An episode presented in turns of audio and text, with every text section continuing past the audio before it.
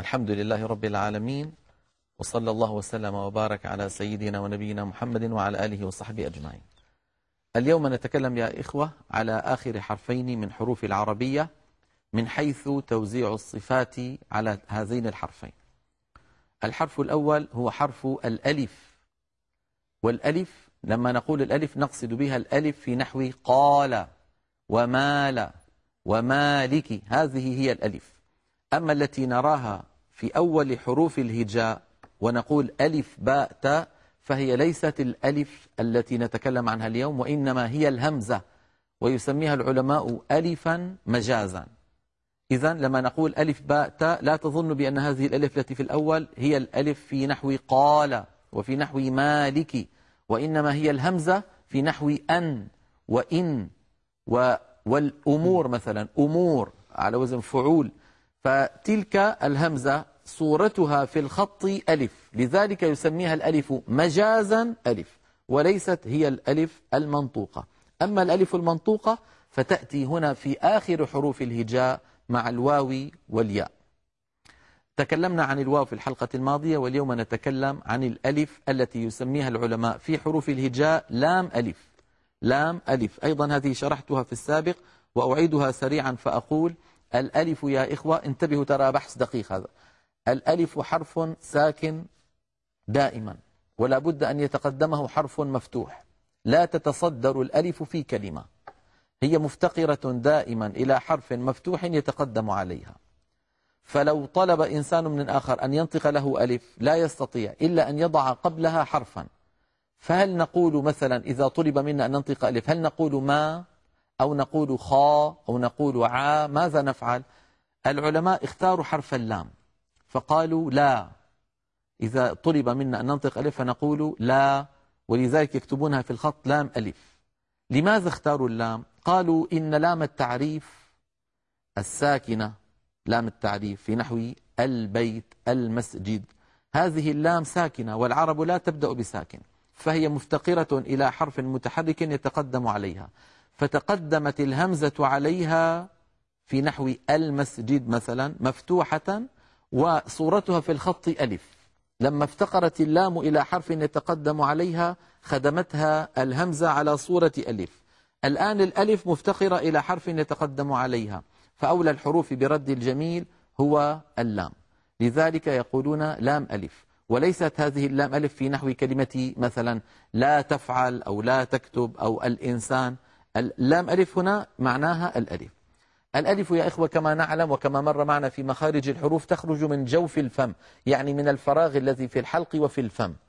مالك ما هذا الفراغ الفموي والحلقي هو مجرى ومخرج الألف. وهذا معنى أنها تخرج من الجوف. الألف يا إخوة حرف مجهور يعني لا يجري, لا يجري معه النفس لأنه ليس من حروف سكت فحثه شخص. وهي حرف رخو لأنها قابلة للمط والتطويل. صوتها قابل للمط فهي حرف رخو. والألف حرف مرقق لأنها مستفلة ليست من حروف خص ضغط قض ليست من حروف الاستعلاء فهي مستفلة ومرققة. هذا هذا الحرف بالذات الألف مرقق إن سبق بمرقق في نحو مالك. وتفخم إن سبقت بمفخم في نحو قال. ولا الضالين.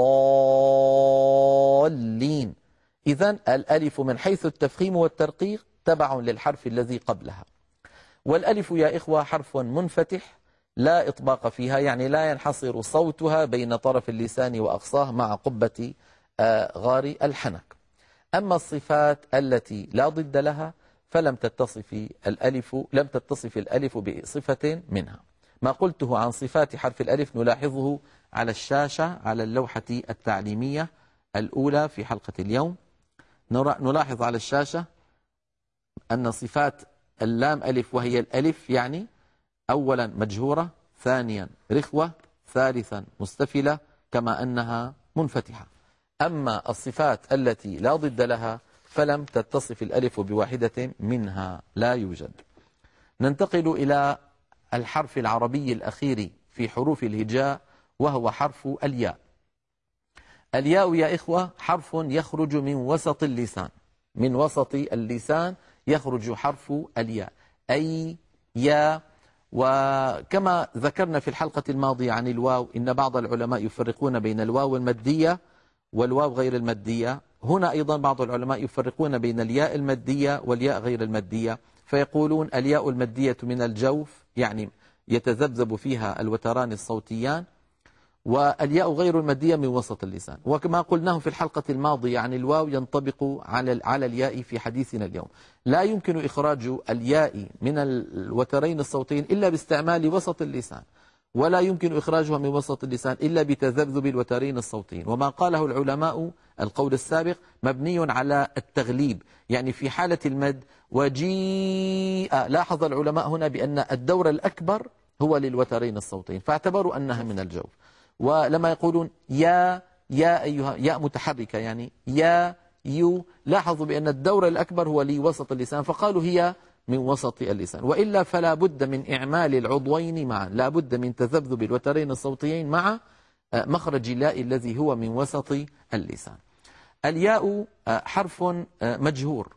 يعني لا يجري معه النفس لأنه ليس من حروف سكت فحسه شخص. والياء حرف رخو كما قلنا عن الألف هي أيضا رخوة قابلة للتطويل وللمط فهي حرف رخو. كما أن الياء العربية مرققة دائمة فهي مستفلة فلا نقول يا. لابد من أن نرققها فنقول يا. يو يي. لا تفخم العرب الياء مطلقا. والياء العربية يا إخوة أيضا منفتحة يعني لا ينحصر صوتها بين طرف اللسان وأقصاه مع قبة غار الحنك إذا هي حرف منفتح وليس مطبقا. أما الصفات التي لا ضد لها فقد اتصفت الياء. إن كانت ساكنة وقبلها مفتوح بصفة يسميها علماؤنا صفة اللين. قال ابن الجزري رحمه الله واللين واو وياء سكنا وانفتح قبلهما. واللين واو وياء سكنا وانفتح قبلهما. لذلك الياء إن سكنت وانفتح ما قبلها في نحو بيت الصيف غير خير لا ضير كل هذه الأمثلة الياء فيها تعتبر حرفا آه، لينيا.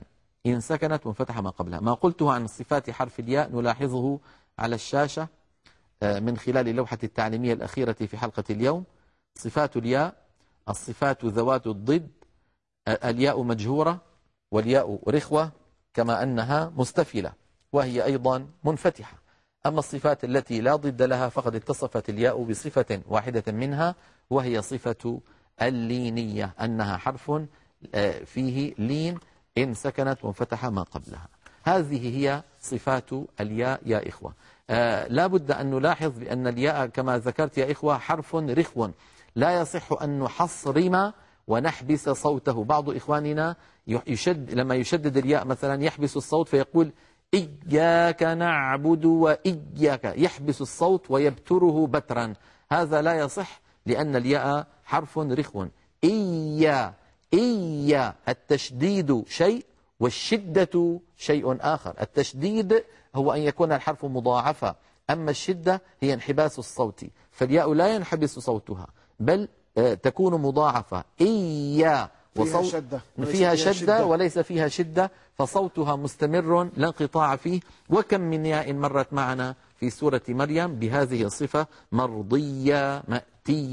كل هذه الياءات لابد من بيانها. وصلى الله وسلم وبارك على سيدنا محمد وعلى آله وصحبه.